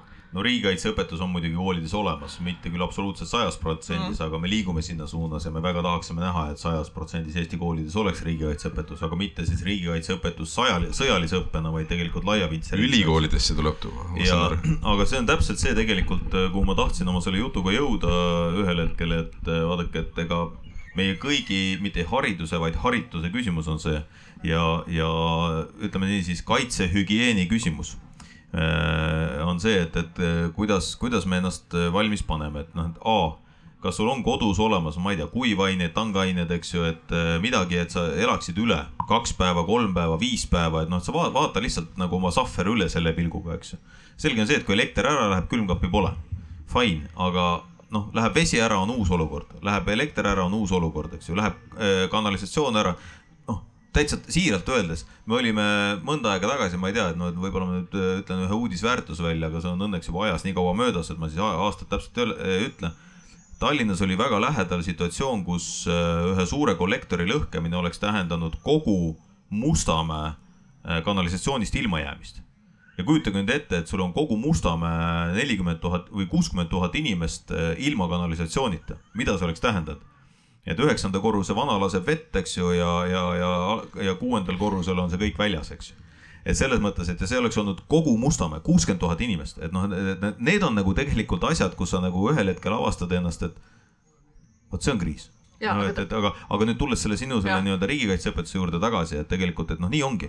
et esiteks vaata üle, et, et kuidas su enda küberhügieen ja, ja kaitsehügieen on, eks ju, et küberiga täpselt sama lugu, et kas sa lased endale kuskile sisse ronida või ei lase, eks ju. Teiseks äh, see, et, et noh, mingisugune enese alalhoiu huvi võiks ikkagi olla selle üle, et aga mis sa teed siis. tõesti, me ei saa olla valmis selleks, kui noh, absurdne näide, aga et kukub praegu asteroid siia on ju, me ei ole selleks valmis, saame kõik surma tough luck, eks ju. et eh, collateral damage kriisides on alati olemas, et me seda noh, et ärme loo illusioone, et üheski tõsises kriisis inimesed jäävad kannatusteta, ei jää. alati saab keegi kannatada, sellega tuleb arvestada. Aga see on collat- collateral damage, et sa pead suutma neid neid äh, kannatanuid ja, ja vigastusi minimeerida. ja see on see, millega me hakkame siis tegelema nii et selles mõttes, et, et hästi lihtsad asjad, ma olen väga päri sellega, et, et selline laiapindne arusaam, ma isegi ei ütle, et see on riigikaitseõpetus, vaid, vaid nii-öelda arusaamine elus hakkama saamiseks mm. -hmm.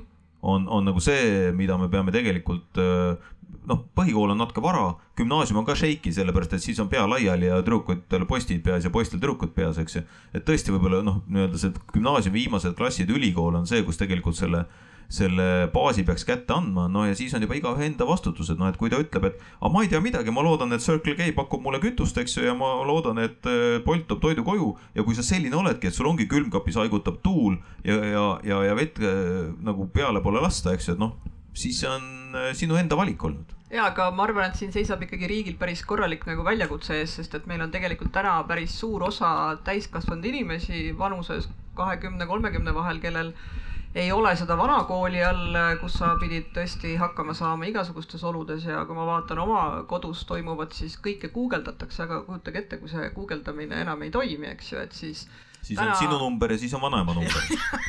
ei, aga telefon ei toimi, mis sa selle numbriga teed, et nojah, aga siis no ütleme selles mõttes muidugi Eesti on äh, üks õnnelik riik, et noh, et kui me vaatame nagu laias laastus, Eestil on ikkagi suurel osal inimestest, kes elavad ka magalarajoonides, kusagil mingisugune nagu mökki või, või mingisugune selline koht, kuhu minna maal. Suurtel riikidel, noh, Holland on sellega hädas, eks ju, veel, kes on nagu hästi tiheda asustusega, nendel ei ole üldse selliseid võimalusi, mis meil on, et me saame kusagile evakueeruda, ümber paikneda. Ja kusagil on kuskil kelder, kus on mustikas ja, ja, ja seen, eks ju, ootamas sind. ma tahaks teiega pikalt rääkida sellest teemast, kuidas me teeme selle evakuatsiooniplaani, et nii nagu igal hotellitoal on see plaan ukse peal, et kuhu poole jooksma panna, siis on igal inimesel ähm, selle suure paneelmaja ukse peal ka see plaan, et äh, kuhu poole sina jooksed, kui jamaks läheb. no küll oleks hea vaata, kui riiklikult jõuaks mi- mingil hetkel või ütleme, ühiskond jõuab sinnamaani, et noh, et kui tuleb kriisisituatsioon, siis me ei saada ainult SMS-i, eks ju mm., vaid saadetakse tsentraalselt kõigile mälukiipi niimoodi, mis te kõik siis eh, selle vaktsiiniga saite, 5G, eks ju mm. -hmm. et siis saadetakse teile nupuvajutusega, siis te hakkate kõik ühel hetkel minema niimoodi kinniste silmadega ühes suunas, eks. et küll see oleks tore unistus, eks. See oli nali, et igaks juhuks.. Disclaimer igaks kumb osa sellest, kas see, et on see, et hakkad minema või see, et. Minema oli nali, kiip on olemas. ja, ja.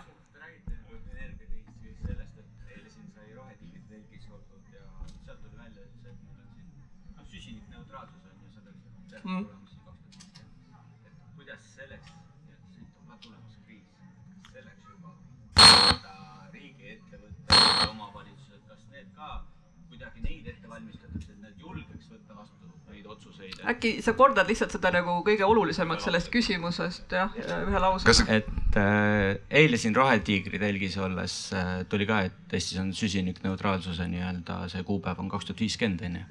aga ettevõtjana võin täna öelda, et ükski omavalitsus või riigiasutus või riigiettevõte täna ei mõtle ka sinna suunda, rääkimata, et nad võtaks vastu jah otsuseid.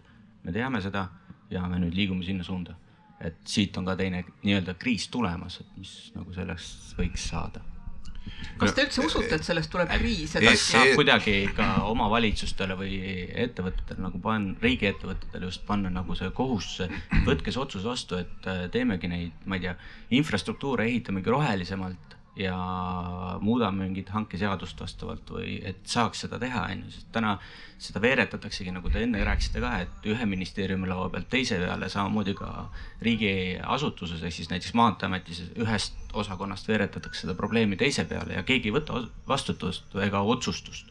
Ei otsusta, noh, seesama asi on ka Eesti Energias näiteks, et ehitame küll tuuleparki, ütleme, et see tuulepark on roheline, aga see, kuidas see tuulepark valmis ehitatakse, siis see ei ole üldse roheline ehitusviis. tehakse uus karjäär siiasama kõrvale, võetakse õieti metsad maha, onju, kuigi seda materjali võiks mujalt tuua, et see on jällegi see, kuidas seda põhimõtet muuta nüüd me jõudsime kliimani, see on mulle väga Kliimani. meeldiv see teema.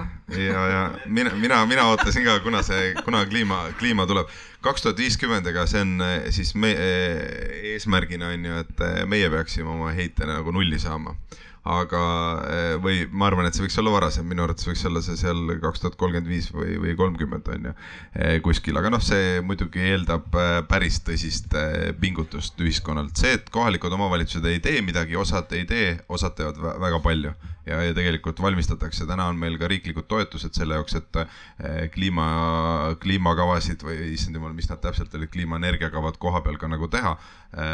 Neid eh, tehakse järjekaupa, aga loomulikult see on suhteliselt alguses, et, et nii-öelda ühiskondlik teadvustamine on olnud siin eh, väga aeglane või väga hilja tulnud aga eh, ühtpidi ma arvan, et Eesti peaks selle ära tegema nii palju, kui ta saab, sinna panustama võimalikult kiiresti, aga see ei tähenda seda, et, eh, et tagajärjed meieni ei jõua, et tagajärjed meieni jõuavad, et tormid saavad olema suuremad. suvede pealt me juba näeme, et, et kahjuks me, meie renoveerimistoetused küll näevad näevad soojustamise poolt ette, on ju, aga jahutamise poole peale me pole nagu mõelnud, on ju, kortermajades eakad inimesed, kes sinna nagu satuvad ja kõik need asjad, et ütleme nii, et seal tehakse, aga ma arvan, noh, minu arvamus on see, et me teeme väga aeglaselt, me teeme väga aeglaselt ja selle koha pealt ja see on vist otseselt olnud ka juhtimise küsimus, et see kogu selle nii-öelda rohepöörde või kliima juhtimine ongi erinevate ministeeriumite vahel laiali või siis Riigikantselei juures seal, kes see komisjon tegutseb. Ma ei tea, minu arvates võiks olla Eestis vastutav minister järgmises valitsuses selle jaoks, kes reaalselt vastutab Oo, jaa. ja, ja mingid asjad nagu juhtuks ka. sest ma, me võime seda hakata nüüd nagu harutama, aga seal on mingi miljon tahku, on ju, et siis me vist järgmised Jaa, mitu tundi veedame. ma siinkohal astun välja moderaatori rollist ja ütlen, et oo jaa, ma arvan, et see peaks olema, sest et, et täna ikkagi vaadates, et väga palju on pandud Keskkonnaministeeriumi õlgadele, ma usun, et te poliitikutena teate, et tegelikult Keskkonnaministeeriumit ei võeta nagu päris ministeeriumina, et see on rohkem ei no küsimus on see, et majandusministeeriumis on äkki hästi palju vaja hoopis ära teha, mitte keskkonnaministeeriumis, et noh. nii hakkasime riigireformi tegema. hea plaan, kliima ja ri- riigireform. mingi ministri koht ei ole riigireform, sul on vale ettekujutus sellest. et äh, kriisidest hakkame natukene kaugenema, aga ei ole hullu, et selles mõttes, et äh, noh, asjad, kui asjad juhtuvad, siis äh, nendega tuleb loomulikult noh, kui, kui me suudame ette näha mingeid asju, jube hea, eks ju, aga nagu ikka klassikud ütlevad, et oleks ma nagu äh, ette sama tark kui ämm tagantjärgi, siis oleks miljonär, eks ju, et selles mõttes, et äh, noh nii me ei, noh, ütleme, ma olen nõus, et nendega tuleb tegeleda, eks ju, et ja sa pead olema valmis selleks, aga, kas, kas sa lõpuni oled, noh nagu, nagu kriisidega, me ei ole kunagi lõpuni valmis, et äh, tegelikult me tegeleme asjadega siis, kui need juhtuvad. reeglina noh, meenutame igaüks oma kooliaega, eks ju, et me ju ei õppinud eksamiks, noh, vähesed olid need, kes õppisid eksamiks pool aastat ette, onju viimasel õhtul lugesid materjali läbi ja läksid järgmisel hommikul eksamile, eks ju, noh et, et eks ta nii, see on meie inimese loomuses on ju, et saada nagu ütleme, tegeleda ka asjadega siis, kui probleem tekib, eks ju, et mingite asjadega sa saad ette tegeleda, noh, autopaagi sa saad täis tankida, kui sa tead, et sa järgmisel päeval lähed äh, reisile, eks ju. midagi saad veel teha ja, ja noh, mõtlen, kellel on piisavat ettenägemisvõimet, see ostab endale tangaineid ja see ostab endale vett, eks ju, varub ja kõik, eks aga, aga noh, lõpuni on ikkagi inimene üldiselt mugav loom ja, ja ta ei ole valmis kõikideks kriisideks kunagi. jah, ja see on ka õige vastus sellele küsimusele, mis sul oli, et täna tegelikult Eesti riik ei taju seda kriisina. et see on ikkagi alles selline asi, mis äh, nõuab äh, teadvustamist, et üldse selline kriis olemas on, et Eesti ei ole selles ja et me ei saa seda siin paneelis äh, käsitleda, sest ma korra segan lihtsalt, et kuna meil siin liitlased lähevad mööda, siis ma lihtsalt juhin tähelepanu, et see on ka kriisideks valmisolek, eks ju, et, et me näeme ette ja me oleme palunud oma liitlased endale siia Jah. nagu see juurde. ma saan aru, et see on see sinu nipp. see oli reklaam. aga ja me ta-, me tajume tegelikult noh, nii-öelda see kogu see kliima, kliimakriis ju äh, äh, avaldub, on ju mingite jupiti teistmoodi, noh, tormid mm, -hmm. muud asjad, et me vaatame seda niimoodi võib-olla veel ikka hästi palju sihuke üksikult, on ju. aga kõige parem äh, üksikisiku võimalus, kui sul on võimalik äh, rahaliselt äh, valmistuda selleks äh, kliima soojenemiseks, siis on see, et see oleks hea, kui sul oleks oma maja, see asuks äh, suurlinnast eemal, sul oleks natukene metsa ja natuke põllumaad, see oleks kõige ideaalsem asi. Lihtsalt viimase küsimusena selle konkreetse, ärme lähme kliimateema peale, aga ma lihtsalt tahan küsida teie kui poliitikute käest, kas te usute, et järgmise kevade valimisplatvormides on keskkonnal rohkem äh, ruumi, kui ta siiamaani on olnud? et keskkonnateemadel järgmiste valimiste põhiteema ikkagi näitab ära see, mis ühiskonnas laiemalt toimub, et seal on nagu kaks valikut, eks ju, praeguses seisus tundub, et see on, kas see on energiakriis või on see nagu julgeolekukriis, et noh, need on need kaks akuutset asja, mis meil on.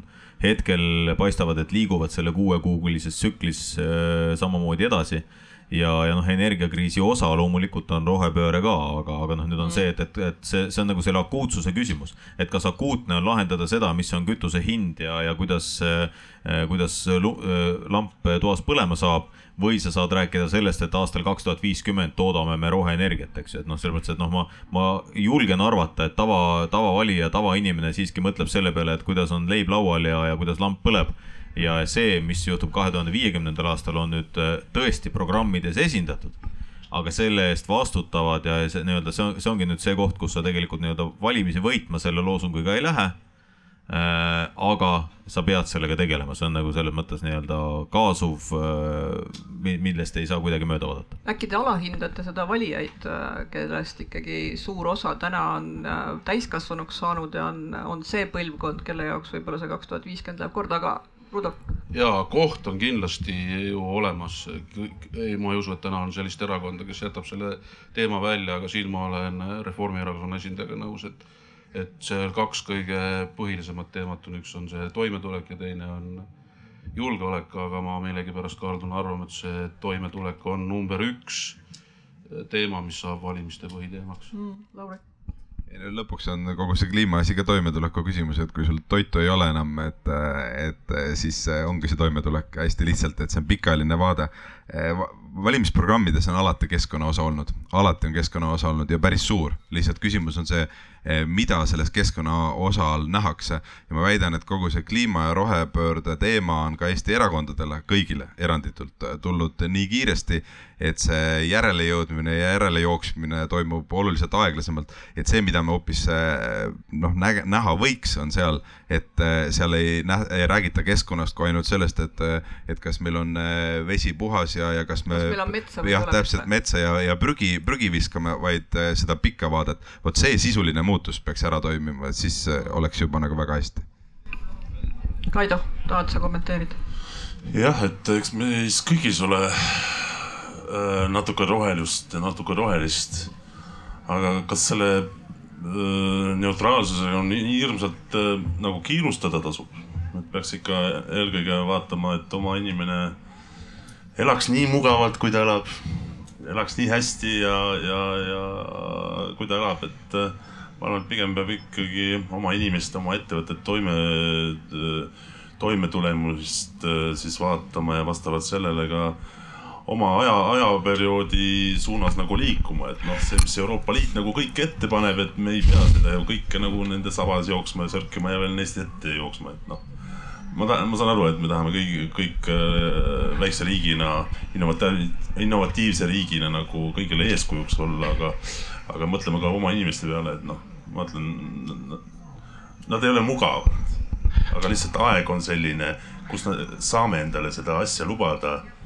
Me oleme leidlikud, me oleme innovatiivsed inimesed, aga mitte mugavad, ma arvan. ei, vaat, vaat see nüüd ongi, kui me räägime siin kriisidest ja me teame, et äh, kogu see kliima soojenemine hakkab kriise kaasa tooma ja me ütleme, et nagu läheme mugavuse ja kõike muud teed ja ei tegele sellega ja eirame, see ongi kriiside, kriisideks valmistumises kõige hullem asi, ehk siis need, need, need, kes nagu ütlevad, et ärme nüüd sellega tegele, siis kui me kümne aasta pärast siin räägime, et, et kurat, et põllumajandusega on kehvasti, metsa oleme ainult kuusk istunud, see enam ei kasva, et kõik on nii soojaks läinud, ürask on kõik ära söönud ja kõik mingid muud asjad ja kirume, et kuidas see juhtuda sai, vot siis täpselt nii juhtuski, et me eirame seda, mida teadlased ütlevad ja, ja no ma ei saa aru, miks me seda tegema peaks. et see on ka kriis, sealt tulevad kriisid, seal tulevad kriisid, mis in puudutavad inimeste toimetulekut. Eh, kliima, tegelikult kogu see kliimamuutus eh, on ju see, mis eh, lööb kõige valusamalt neid inimesi, kellel on väiksem sissetulek, kes on nagu vaesemad või, või keskmise sissetulekuga, sealt pääsevad kõige paremini need, kellel on rohkem raha et selles mõttes ta on väga valus väga paljudele inimestele, et me ei tohiks seda nagu kriisi kuidagimoodi eirata. aga siit tuleb mulle väga hea küsimus, me läheme natuke nagu nüüd, meil on siin neid kriise, mida me oleme maininud mitu, et, et ja selles praegu me rääkisime sellest, et kas nendeks tuleks äh, nagu valmis olla ja, ja mil moel valmis olla. Aga kui me nüüd võtame selle viimased kriisid, siis äh, nii nagu kriisiolukord tekib, noh, on, on loogiline, et riik aitab äh, kodanikke, aga, aga noh, tuli aidata kõike, kõik ettevõtjad tõstsid käe püsti, ütlesid, me vajame igal äh, väiksema kriisiolukorra juures, kohe on vaja abi. Kuidas te nagu sellesse vaatate, et, et, et kas, kas see on nagu võimalik, et riik aitab kõike ja et sellest tekibki lõpuks selline nagu õpitud abitus, et äh, kui meil on järgmine kriis, siis kõik on jälle nii-öelda alates eraisikust kuni, äh, kuni ettevõtjast, kõik on riigi poole nagu ootel. No pardon, et mis see riik on, et riik on minu arusaamist mööda ikkagi inimesed, eks ju, ja, ja noh, kui okei okay,, ärme jätame siis legaaldefinitsioonid mm -hmm. kõrvale territooriumist ja, ja nii edasi, aga, aga ega siis riigi rahakott tekib ikka ainult sellest, kui maksumaksja töökad käed sinna riigi rahakotti midagi on poetanud, eks ju, ja ettevõtjad, et nii, selles mõttes, et noh, et, et see, et, et kui, kui ettevõtjad küsivad abi, siis see tähendab seda, et ettevõtjad küsivad abi enda rahakotist ehk, ümberjagatavast rahakotist abi. Eh, et noh, selles mõttes, et nagu klassikud on korduvalt öelnud, et ühtegi head kriisi ei tasu raisku lasta. ja selle mõttes, et ega siis päeva lõpuks noh, üks, üks väga hea raamat on Steve Case vist kirjutas Third eh, Wave. Ja ta noh, tõi seal paralleeli, kui see on nagu kolm nii-öelda suurt tööstusrevolutsiooni olnud, eks ju, et noh, see digi ja kõik muu. Ja, ja tõi näite, et et sada aastat tagasi Ameerika Ühendriikides töötas põllumajanduses üheksakümmend protsenti töötajatest. täna töötab kaks et ja, ja see noh, bottom line on seal see, et, et töökohad kaovad, aga töö ei kao. ja, ja noh, tegelikult ega nende selles mõttes, et nende kriisideks valmistumisega ja kui kriisis nüüd mingisugused mured tekivad, ega siis ka meie kaks tuhat üheksa, kaks tuhat kümme tööjõukriis, et see sundis väga palju ettevõtjaid ikkagi ennast ümber profileerima või siis nagu mõtlema oma tegevuse ümber. Ja see on paratamatult nii, meil kogu aeg ühiskond muutub, et selles mõttes, et täna me tegeleme rohkem roheasjadega. Äh, kui me vaatame ettevõtluse struktuuri, kui palju meil on tulnud startup'e, eks ju, et kui palju on tulnud nagu selles mõttes nii-öelda digimajandus sisse ja kui palju meil on vähemaks läinud põllumajandust, eks ju, noh, siin Eesti suu-, suu-, siinsamas lähedal Eesti suurim põllumajandusettevõte Väätsa Agro, eks ju, sinule lähedane, eks ju, vana vallavanemana et, et selles mõttes seal noh, ja selles mõttes väga hea näide, eks ju, et kui palju tollal, no minu enda mõlemad vanemad on ka EPA lõpetanud agronoomid põllul palju olnud, eks ju, et kui palju sul omal ajal oli vaja, ma ei tea, viiesaja pealise lehmakarja lüpsmiseks inimesi, siis täna teeb selle ära kaks inimest, onju et, et noh, või, või kui palju põllu peal oli vaja inimesi selleks, et äh, saaks hein äh, nagu küüni, eks ju, siis täna teeb ära selle samamoodi kaks inimest, eks mm. -hmm. et selles mõttes, et noh, et, et, et me peame nagu aru saama sellest, et me, me kogu aeg muutume, me ühiskond kogu aeg muutub, sellega kaasnevad ka uut tüüpi kriisid muuseas. täiesti uut tüüpi kriis, seesama nagu sa ütled, et noh, et internet kaob ära. kui keegi oleks kolmkümmend aastat tagasi öelnud, et kuulge, sõbrad, meil on probleem, et internet kadus ära, siis soe oled peast või? Et selles mõttes. Et... ilma internetita enam ei saa ka Circle K-st. jah, et ei saa autot ka käima panna varsti. ei ole enam äh, töötajatel teadmist, äh, milline vorst on valmis, milline ei ole. jah, et ei saa aru, et kas Frankfurter on äh, valmis või ei ole, eks ju, nii et selles mõttes, et, et ehk, ehk me, me peamegi olema nagu, nagu kogu aeg meie, meie enda pea on artificial intelligence, eks ju, et me, me, me kogu aeg õpime uusi oskusi ja, ja, ja see, et noh, kui ma vaatan, et mu enda äh, juba pikalt üle seitsmekümne aastane ema, eks ju, et on äh, internetis päris osav juba, eks ju, et, et noh, siis see ongi, see ongi loomulik elu osa, ärme pelga seda. Kriisidega on sama lugu, et me peamegi olema valmis uuteks kriisideks, õppima. Seesama rohepöördest tulenev, tulenev kriis, uus asi, õpime, kohandume, muudame. Rudolf ja selles mõttes õige, et mida rohkem me oleme valmis nendeks kriisideks, mida rohkem me oleme läbi harjutanud, kasvõi ja see kriis ongi uus, eks me oleme selleks rohkem valmis, seda väiksem tõenäosus on see, et me peame ettevõtteid aitama. kui see on meile täiesti uus ja ootamatu, nagu see oli näiteks see koroonakriis, siis oligi normaalne, et me aitasime oma ettevõtteid, sellepärast et eh, me saime aru, et see tagajärjed oleksid võinud olnud seal hirmsad mm. Ja, ja ja see, no, minu meelest ei saa siin olla nagu küsimus, et kas me aitame ettevõtteid või ei aita, noh, see, see on seesamane rahakott, kus kohas tuleb veel raha. küsimus on lihtsalt see, et alati tuleb äh, teha seda mõistlikult, tasakaalukalt ja tõesti aidata neid, kellel on vaja. noh, vaatame sedasamast situatsiooni, mis praegu on meil elektri hinnaga, siis noh, meie erakond on hästi mures selle pärast, mis ettevõtjad, mis saab ettevõtetest. noh, täna meil tuleb pakett äh, tavainimesele mm., aga ettevõttele meil ei tule midagi loeme uudiseid lehest, kus äh, toitlustusettevõtted ütlevad, et kõik, me paneme uksed kinni ära, noh. Meie ja, suured toitlustusettevõtted. aga kuidas seda otsust langetada, sest ma pean tunnistama ettevõtjate nii-öelda liidu juhina, tegelikult see oli päris keeruline olukord, täpselt nii nagu sa, Hanno, ütlesid, et et me ju jagame ümber sedasama raha, mida me ettevõtjatena nagu tegelikult nagu sellesse riiki panustame, et see tekitaski nagu sellist nagu äh, teataval määral ka vastandumist, et äh, ettevõtjad, kes olid valmistunud kriisideks, kes olid selle läbi mõelnud, mismoodi nad sellega nagu hakkama saavad ja teised, kes siis nagu igal võimalusel püüdsid sealt siis äh, saada neid erinevaid toetusi ja, ja tekkiski ka selliseid ma ei ütle, et päris sõnelusi, aga, aga noh, ikkagi nagu äh, väheke nagu sellist äh, turris olekut, et noh, et, et me siin saame ise hakkama, aga näe, te pole isegi läbi mõelnud. vaata, see on lugu kolmest põrsakesest, eks ju, et selles mõttes, et noh, et hunt tuleb, eks ju, ja siis kuidas, kuidas üks või teine nagu põrsakene enda maja valmis ehitas, eks ju. ei, ei, praegu on mingi, vot jah tahtsid vastata, siis ma ja, et ei, loomulikult eh, eks siin kõigepealt tuleb vaadata ajalukku, nagu ka tollel momendil vaadati, et need on ikkagi nagu jätkusuutlikud ettevõtted ja need on ausad ettevõtted. Nad ei ole petnud riiki, maksavad töölistele õigelt. see peaks olema nagu see kriteerium number üks ja sama on jälle see, nagu ka nende meetmetega oli, et ega seal ei olnud ju sadaprotsendilist niimoodi, et, et võta nüüd raha vastu, sa pidid näitama ka seda omaosalust et sa ise ka püüad sellest välja tulla mm. -hmm. et noh, sellist päris Brežnevi paketti kellelegi ei pakutud. me jääme siin natuke erinevale arvamusele, aga, aga ma, mina näiteks ei, ma ei taha öelda seda, et ei peaks olema, ei andma nii-öelda ühiskonnale või ettevõtetele seda võimalust äh, muutuda ja kohenduda ja, ja, ja kui kriisid tõukavad neid kuskile poole, et siis seal on nagu see hea pool olemas. aga see ei ole nii üks-ühele, et, et vot nüüd äh, riik tuleb, äh, sekkub ja jagab seda ettevõtjate raha ümber ja noh, hästi lihtsalt vaatame seda, siis seal on see mure, et Äh, majanduslikud kriisid eriti, on ju, kus on majanduslik mõju, äh, jagavad jõukust ümber ühiskonnas. et äh, kui riik jääb seal pealtvaatajaks ja ei sekku, siis seda jõukust jagatakse tavaliselt reeglina toimub selles samas majandusloogikas, läheb sinna, kus on ja võetakse sealt, kus ei ole.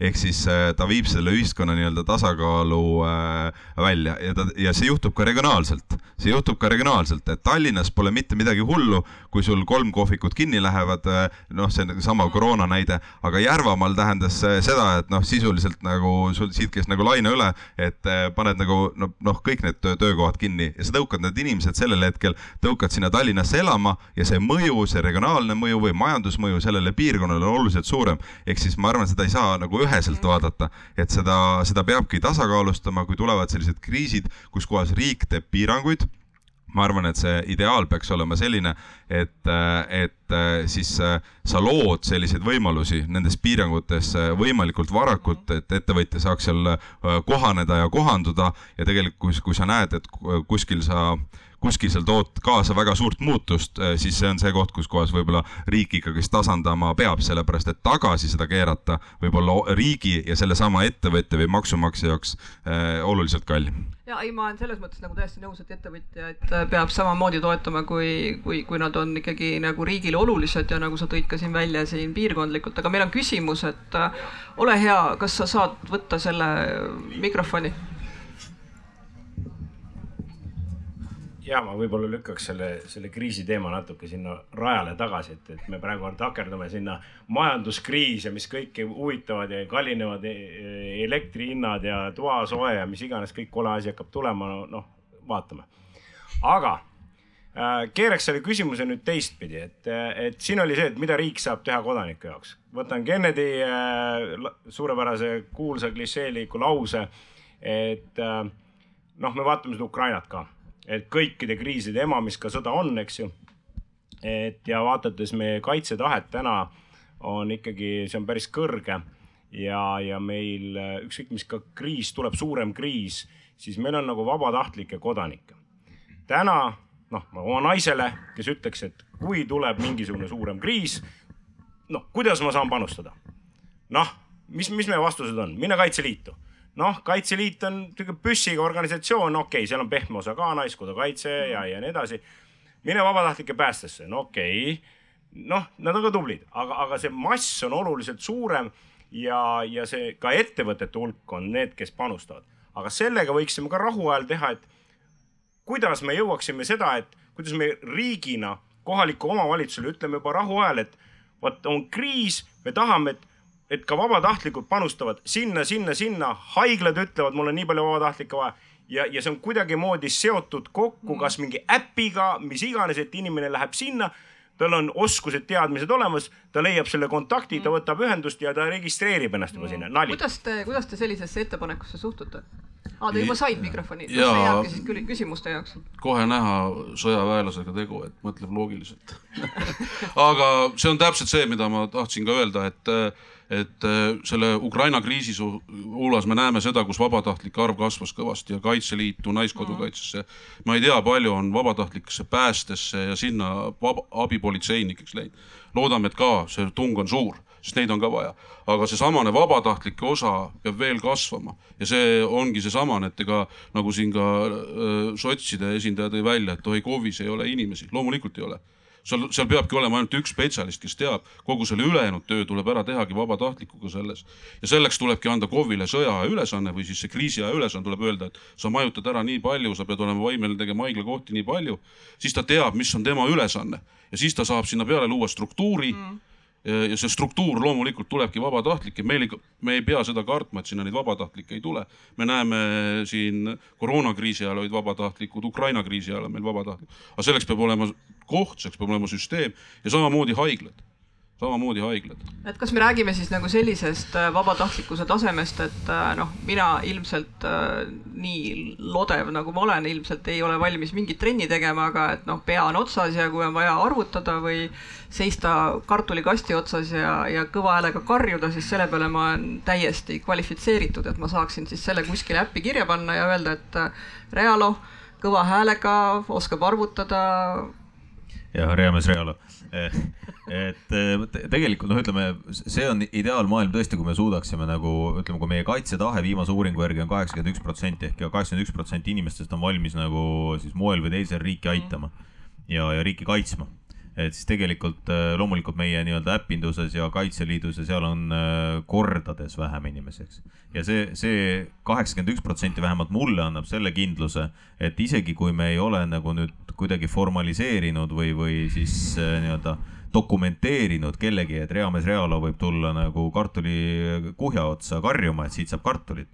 et siis, siis vaatamata sellele, et kui see üks päev, see päev käes on ja kui näiteks äh, Kaitsevägi või, või, või vahet pole, Vabariigi Valitsus isegi, et ütleb, et nii, et nüüd on meil vaja kõiki, kes on valmis panustama, et siis see tegelikult tuleb mm. -hmm. ja vaata, see on nagu tegelikult see, mida me igapäevaselt peamegi nagu äh, kuidagi noh, suutma inimesteni nagu viia, et, et see kaitsetahe, no ütleme, okei okay,, meil on omad tegevused.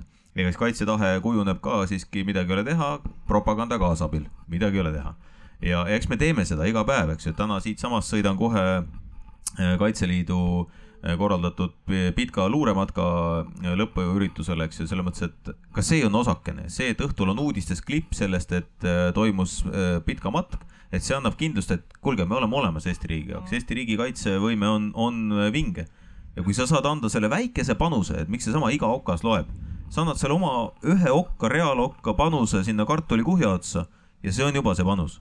Ja sellepärast see nii-öelda, et see vabatahtlus ei pea ilmtingimata olema formaliseeritud et äh, ja see, see on see, mille nimel me peame püüdlema, et igaüks meist siit tõuseb püsti, nii et kui on vaja minna, eks ju, tuleb, kell käib, hakkame minema. Ja siis küsid. Ja vaata, see on nüüd oluline riigi poolt öelda, et kes sulle ütleb, kuhu sa minema pead, et sa mm ütled, et, et mina olen suuteline minema kartulikuhja otsa, selge, kuhi on seal, võta kaasa pudel vett ja soe pesu ja homme kell üheksa oled seal kuhja otsas, eks. väga Vats... hea, minuga te võite arvestada. no näed, väga hea, paneme kirja selge, selge.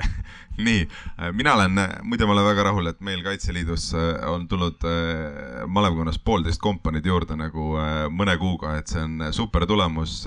sinna muidu kuluks nagu aastaid selles mõttes väga hästi, aga tõesti õige küsimus, et kust või mida teevad need, kes ei tule kuskile vabatahtlikuks, on ju, et nende panus, mina äppi ei usu mina äppe ei usu, et äh, eriti veel kriisiolukorras, kui see võib-olla ei tööta nagu, on ju. aga, aga seesama asi, no mis ma ütlesin, et miks, miks mul on eesmärk, et me piloteeriks ära mingisugused mingisugused sellised elanikkonnakaitsekursused, mis just täpselt, täpselt ongi neile, kellel on huvi, hakkad minema, aga lõppkokkuvõttes ta tuleb ikka igalt elutasandilt äh, sisse tuua see valmistumine. Ja kriisis muideks äh, ka sellises näiteks äh, sõjalises kriisiks on ütleme sinusuguseid reamehi, kapraleid ja kõiki muid väga vaja.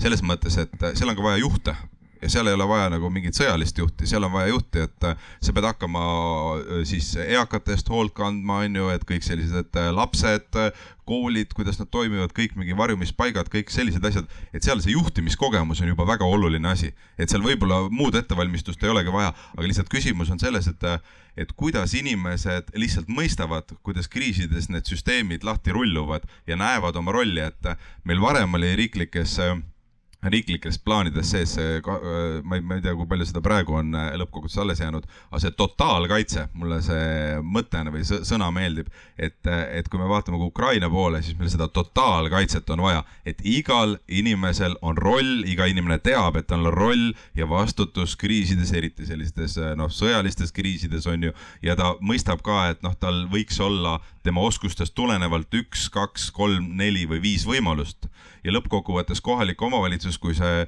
kui see kõik juhtub, kas kohalik omavalitsus või, või, või mingisugune riigiasutus tegelikult oma kas territooriumil või vastutusalal peab olema suuteline lihtsalt selle kõike lahti rullima ja, ja ütlema ja lõppkokkuvõttes eh, me jõuame ikka sinna eh, nende samade kogukondadeni, et sul ei ole seda võimekust neil ametnikke saata nagu igasse külasse, iga maja ukse peale koputama. Nendel hetkedel on nii oluline, et kas sul on külavanem, kontakt temaga ja see külavanem teeb sinu eest äh, pool sellest tööd ära, et me tavaliselt oleme näinud noh, kõike sihukest kogukondlikku äh, tegevust ainult ühe nurga pealt, et ta on selline tore ninnu-nännu, las inimesed teevad mingeid toredaid asju, aga ei, ta ongi ühiskonna nagu hakkas, hakkama saamiselt ja toimimiselt äh, ülioluline asi ka.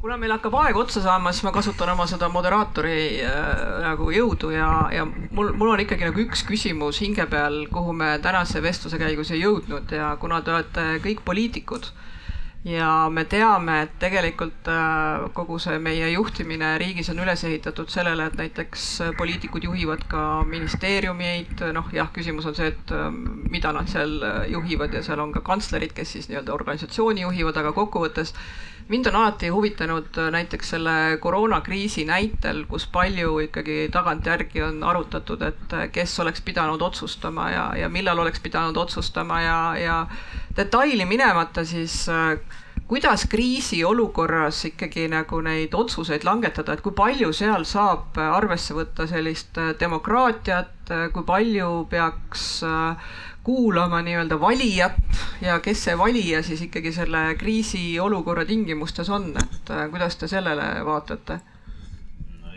teeme, ma saan aru, viimane ring siis. okei okay,, ma äh, selle äh, sissejuhatuseks muidugi ma tahtsin öelda veel ainult ühe lihtsa väikse märkuse, et noh, tegelikult riik teeb ka kogu aeg midagi et me nüüd teeme väikese muudatusega need noored, kes tulevad ajateenistusse, et me küsime nende käest küll vabatahtlikus vormis, et kas nad on päri või mitte, et nad ei pea seda tegema aga et me küsime, et kas näiteks, äh, kas on okei okay,, kui abipolitsei organisatsioon teiega ühendust võtab. ehk noh, tegelikult me kasutame neid nii-öelda erinevaid võimalusi äh, noorte angažeerimise või ütleme siis noorte hõivamiseks äh, nendes kohtades, kus me tegelikult need noored kätte saame, et noh, et kui me ajateenistuses nad kätte saame siis me küsime, et kas sul on okei okay,, kui, kui Kaitseliit või abipolitsei sinuga ühendust võtab. kui sa ütled, sa ei taha, fine, me ei pane seda kirja, kui sa ütled, et sa tahad, siis me anname selle võimaluse temaga nagu suhelda, eks ju, ehk, ehk noh, ka see on see, mida igapäevaselt riik teeb. aga nüüd tulles selle kriisi äh, lõpuküsimuse juurde, siis me, minu, ma olen ikkagi sügavalt veendunud selles, et äh, mis ma korraks ütlesin, kordan selle üle et äh, kriiside lahendamisel äh, loomulikult äh, demokraatia lõpeb ja, ja algab nii-öelda sõjaväeline käsuahel. noh, selle heas mõttes sõjaväeline, vahet pole, kas me räägime tsiviilkriisist või, või mm, siis julgeolekukriisist, siis tegelikult mõlemal puhul saab kriisi lahendus toimida ainult siis, kui toimib selge käsuahel aga selle käsuahela juures nüüd on see kriitiline pool on just nimelt see, et need, kes otsustama on pandud nendel oleks oidu, mõistust ja, ja valmisolekut selle otsuse tegemise juurde kaasata parimad eksperdid, et vahet ja see ei ole, see ei oma tähtsust, kas see on nagu ministeeriumi, erasektori või, või mis iganes. sa pead nii-öelda tailor-made lahendusena leidma selle, selle kriisi kõige akuutsema äh, lahenduse pakkuja ja siis ütlema, jah, me valime selle lahenduse ja nüüd läheb. ja sa ei tohi kõhelda, ehk öö, otsustusjulgus on jätkuvalt see ja, ja käsuahel ja otsustusjulgus on need, mis kriisid alati aitavad lahendada. Lauri jah, ma arvan, et äh, oluline on see, et, äh, et on paika pandud, äh, kes mis tasandil otsustab ja teeb. ma arvan, et neid ei tohiks muuta. minu arvates koroona puhul me nägime korra seda ka, kuidas koroonakriisi lahendamine nii-öelda toodi valitsuse peaministri tasandile, valitsus muutus kriisist, kriisistaabiks, see oli, ma arvan, viga. seda küsimust oleks pidanud hoopis teisel tasandil lahendama, sest niipea kui poliitikud hakkavad nagu kõiki asju tegema, siis, siis läheb see asi nagu poliitiliseks ära, mitte nii-öelda kriisi, eh, kriisi lahendamiseks. Ja lõppkokkuvõttes jah, need juhtimisahelad ja võib-olla see demokraatia kitsendus sellel hetkel tuleb, aga selge on see, et vastutus, poliitiline vastutus demokraatlikus riigis lõpuks eh, inimeste ees jääb, isegi kui sellel hetkel kaasamismehhanismid ei toimi, siis pärast, kui kriis läbi saab, siis sa alati vastutad sellest, mis on tehtud on sul midagi lisada sellele, et äh, kas ja kuidas äh, ja. nagu see kommunikatsioon peaks olema sellel hetkel? no eelkõige vahet ei ole, mis kujul, mis ajal see kriis on, et äh, ootaks eelkõige äh, korralikku äh, informatiivset ja selget äh, sõnumit, suhtlust kohaliku omavalitsuse ja riigi vahel teiseks ikkagi on seesamane, et äh, tihtipeale on jagatud äh, mingid vastutusalad äh,, on küll jagatud erinevate ministeeriumite vahel, aga, aga siis neid kohustusi ja seda vastutust siis äh, nad hakkavad üksteisele nagu äh,, nii üksteise kaela nagu kipuvad nagu veeretama, et noh.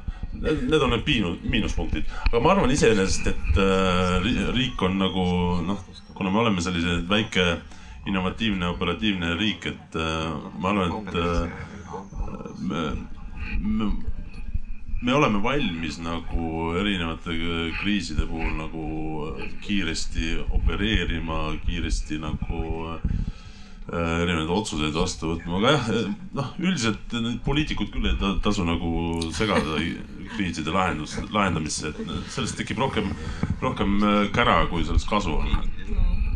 et noh, ja kindlasti kriisiplaan, et äh, see peab olema esimesest päevast nagu selge kõige, kõigile arusaadav, et ei tekiks, noh, tihtipeale on see, et tekitab rohkem küsimusi, kui on vastuseid. aitäh. no ma arvan, et lokaalsete kriisidega meil enam probleeme ei ole, nendega me saame suht-koht hästi hakkama, et kui nüüd tulevad need tõesti üleriigilised, siis seal ma arvan, peab nagu ma ei tea, vastutavad ministeeriumid, kus need kriisi reguleerimise või juhtimise osakonnad sees on, nagu kindlasti tegema kõvasti koostööd ja, ja see ei ole nagu see koht, kui tuleb selline üleriiklik kriis, mis võib meile tulla väga vabalt äh, juba sellel sügisel uuesti. sest just seal kõrval paneelis räägiti seda, et äh, talv tuleb Ukrainale veel raskem kui meil mm.. ja see põgenike arv, mis sealt võib tulla, see võib olla mitu korda suurem, kui ta oli siiamaani.